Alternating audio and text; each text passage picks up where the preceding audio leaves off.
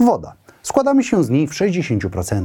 Musimy ją spożywać, by móc przeżyć. Ale czy aby na pewno? Bez wody nasze ciało za długo by nie pociągnęło. Wystarczy spojrzeć nie tylko na wcześniej wspomniane 60% w naszym organizmie, ale na dokładny skład naszych organów. Nasze serce i mózg to w 75% H2O, a płuca mogą zawierać jej aż 83%. Dlatego musimy regularnie uzupełniać jej zapasy. Zalecenia co do tego, ile wody potrzebuje człowiek, są różne. Wszystko zależy od naszego trybu życia, płci, wagi i tego, gdzie żyjemy. Często przewija się założenie, że człowiek potrzebuje 8 szklanek wody, czyli około 2 litrów płynu. No tylko, no właśnie, płynów czy konkretnie wody? Czy kola może nas nawodnić tak samo jak woda? No, otóż co do zasady, to tak, składa się przecież w większości z wody. Tak samo jak soki. Mówimy tutaj o około 85% zawartości, więc owszem, musimy wypić więcej, jednak będziemy nawodnieni. Jest jednak jeden haczyk, a mianowicie cukier. Jeśli napoje, które pijemy, mają go sporo, to wtedy musimy wypić więcej płynów. Składnik ten potrzebuje bowiem wody, byśmy mogli go metabolizować. Tak samo kofeina. Jej efekty mogą przyczynić się do odwodnienia, a więc nie jest ona zalecana jako składnik w spożywanych płynach. Ale wróćmy do tego, ile musimy w ogóle pić tej wody. No, tak jak mówiłem, jednym z podstawowych założeń jest picie 2 litrów wody dziennie. Jeśli jesteśmy aktywni, więksi albo żyjemy w gorętszym klimacie, to rekomendowane spożycie rośnie do nawet 4 litrów dziennie. Sportowcy piją za to jeszcze więcej, zbliżając się do 6 litrów. O, mówi się, że Tom Brady, amerykański futbolista, w ciągu aktywnego dnia wypijał prawie 9 litrów wody. To mniej więcej 37 szklanek wody w ciągu dnia. Więc zakładając, że nie spał on przez 16 godzin, oznacza to, że pił w godzinę prawie 2,5 szklanki. Woda jest kluczowa dla naszego organizmu, pomaga nam w setkaniu procesów. Nasz organizm wykorzystuje ją do działania. No jest kluczowa dla praktycznie każdego procesu, w tym mózgu, do pozbywania się zanieczyszczeń, czy nawet regulowania temperatury. Musimy ją pić, bo wszystkie te procesy zużywają dziennie około 2 do 3 litrów wody. No i to dość spore tempo, zważywszy, że dla 90-kilowego człowieka wystarczyłby niecały miesiąc, by stracić w ten sposób całą wodę. Dlatego pomysł niepicia wydaje się być dość drastyczny. Na wstępie zaznaczam oczywiście, że nie polecam takiego zachowania. Nie róbcie tego, bo może stworzyć to zagrożenie dla waszego zdrowia i życia. Ustalmy więc zasady naszego małego eksperymentu. Po pierwsze, nie pijemy wody, ale też innych płynów.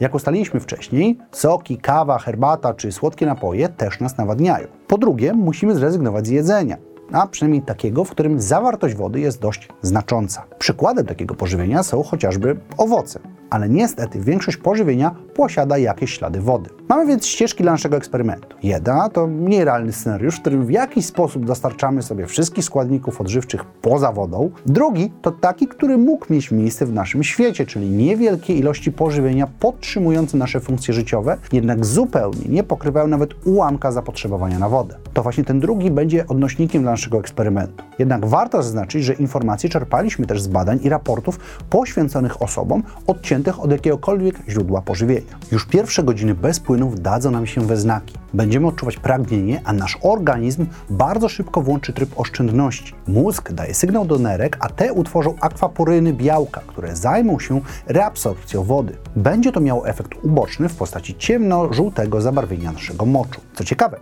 kolor naszego moczu jest wskaźnikiem nawodnienia naszego organizmu. No, im bardziej jest klarowny, tym więcej wody znajduje się w naszym ciele. Dalej, nasze symptomy będą zależeć od naszego trybu życia. Utrata nawet 2% wody z naszego ciała wpłynie znacznie na naszą pracę. Będzie nas boleć głowa, stracimy apetyt i będziemy odczuwać dyskomfort. Do tego skupienie się na zadaniu stanie się trudniejsze. Według badań naukowych tak mały ubytek negatywnie wpływa na czas naszej reakcji, funkcje wykonawcze czy zdolności motoryczne. Ubytek wody w wysokości do 4% masy ciała to utrata elastyczności skóry, zawroty głowy, omdlenia czy tachykardia. Zmniejsza się także ilość moczu, a także potu. To drugie prowadzi do problemów z termoregulacją, a więc podwyższa naszą temperaturę ciała. Ustaje wydzielanie śliny, trudniej nam się odzywać, a nasze usta zaczynają zasychać i pękać. Tracimy siły i czujemy się zmęczeni. Coraz trudniej jest nam funkcjonować. Zwiększa się też ryzyko chorób serca, bo ciśnienie krwi spada, a bicie naszego serca przyspiesza. Dalszy ubytek, przekraczający 10%, to już poważne konsekwencje. Tracimy zdolność mowy, nasz język jest po prostu zbyt suchy,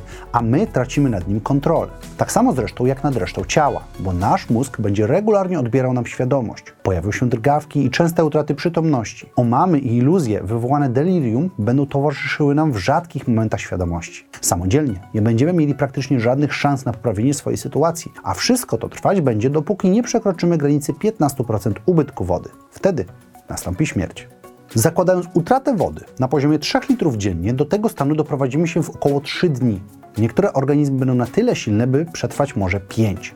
Tak, tylko tyle wystarczy, by nas zabić. Dlatego nawodnienie jest tak ważne i nawet zaniedbanie tego aspektu, przykład picie niewielkiej ilości płynów dziennie, może znacznie pogorszyć nasze samopoczucie, a także stan zdrowia. Chroniczne odwodnienie wpływa na kondycję naszej skóry i mięśni, ale także i serca i mózgu. Zwiększamy ryzyko udarów i zawałów. No i do tego narażamy się na problemy z układem wydalniczym, szczególnie z nerkami. Dlatego kluczowe jest uzupełnienie płynów regularnie i picie tyle wody, ile potrzebujemy. No jednak ile możemy przetrwać bez wody? No, tutaj możemy przywołać przykład Jezusa, który miał przetrwać 40 dni bez wody i pożywienia na pustyni. No, niestety dla człowieka jest to rzecz absolutnie niemożliwa. Możliwe jest za to przetrwanie 18 dni bez wody. No bo tyle przeżył właśnie Andreas Michawecz, 18-letni austriacki murarz. W 1979 roku został zamknięty w celi aresztu i o nim zapomniano. No i oczywiście i tutaj musi być jakieś ale, no i jest. Andreas przez 18 dni zlizywał wilgoć ze ścian, tak ratując swoje życie. Pomimo tego i tak stracił 24 kg, a powrót do zdrowia zajął mu tygodnie.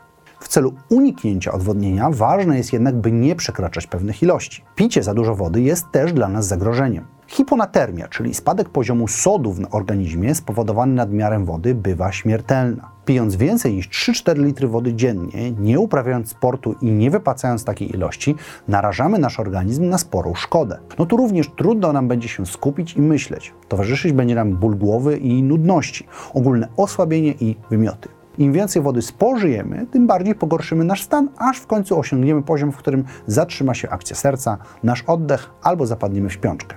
Słowem, umrzemy. Dlatego ważny jest balans i słuchanie swojego organizmu. Warto jest pić wodę, ale nie można przesadzać. Jednak o szczegółach warto porozmawiać z lekarzem bądź dietetykiem, no i oczywiście samodzielnie zgłębiać te tematy, no albo inne, o których również możecie usłyszeć na moim kanale, a także mam nadzieję, że będziemy widzieli się w każdy piątek. Trzymajcie się ciepło. Cześć!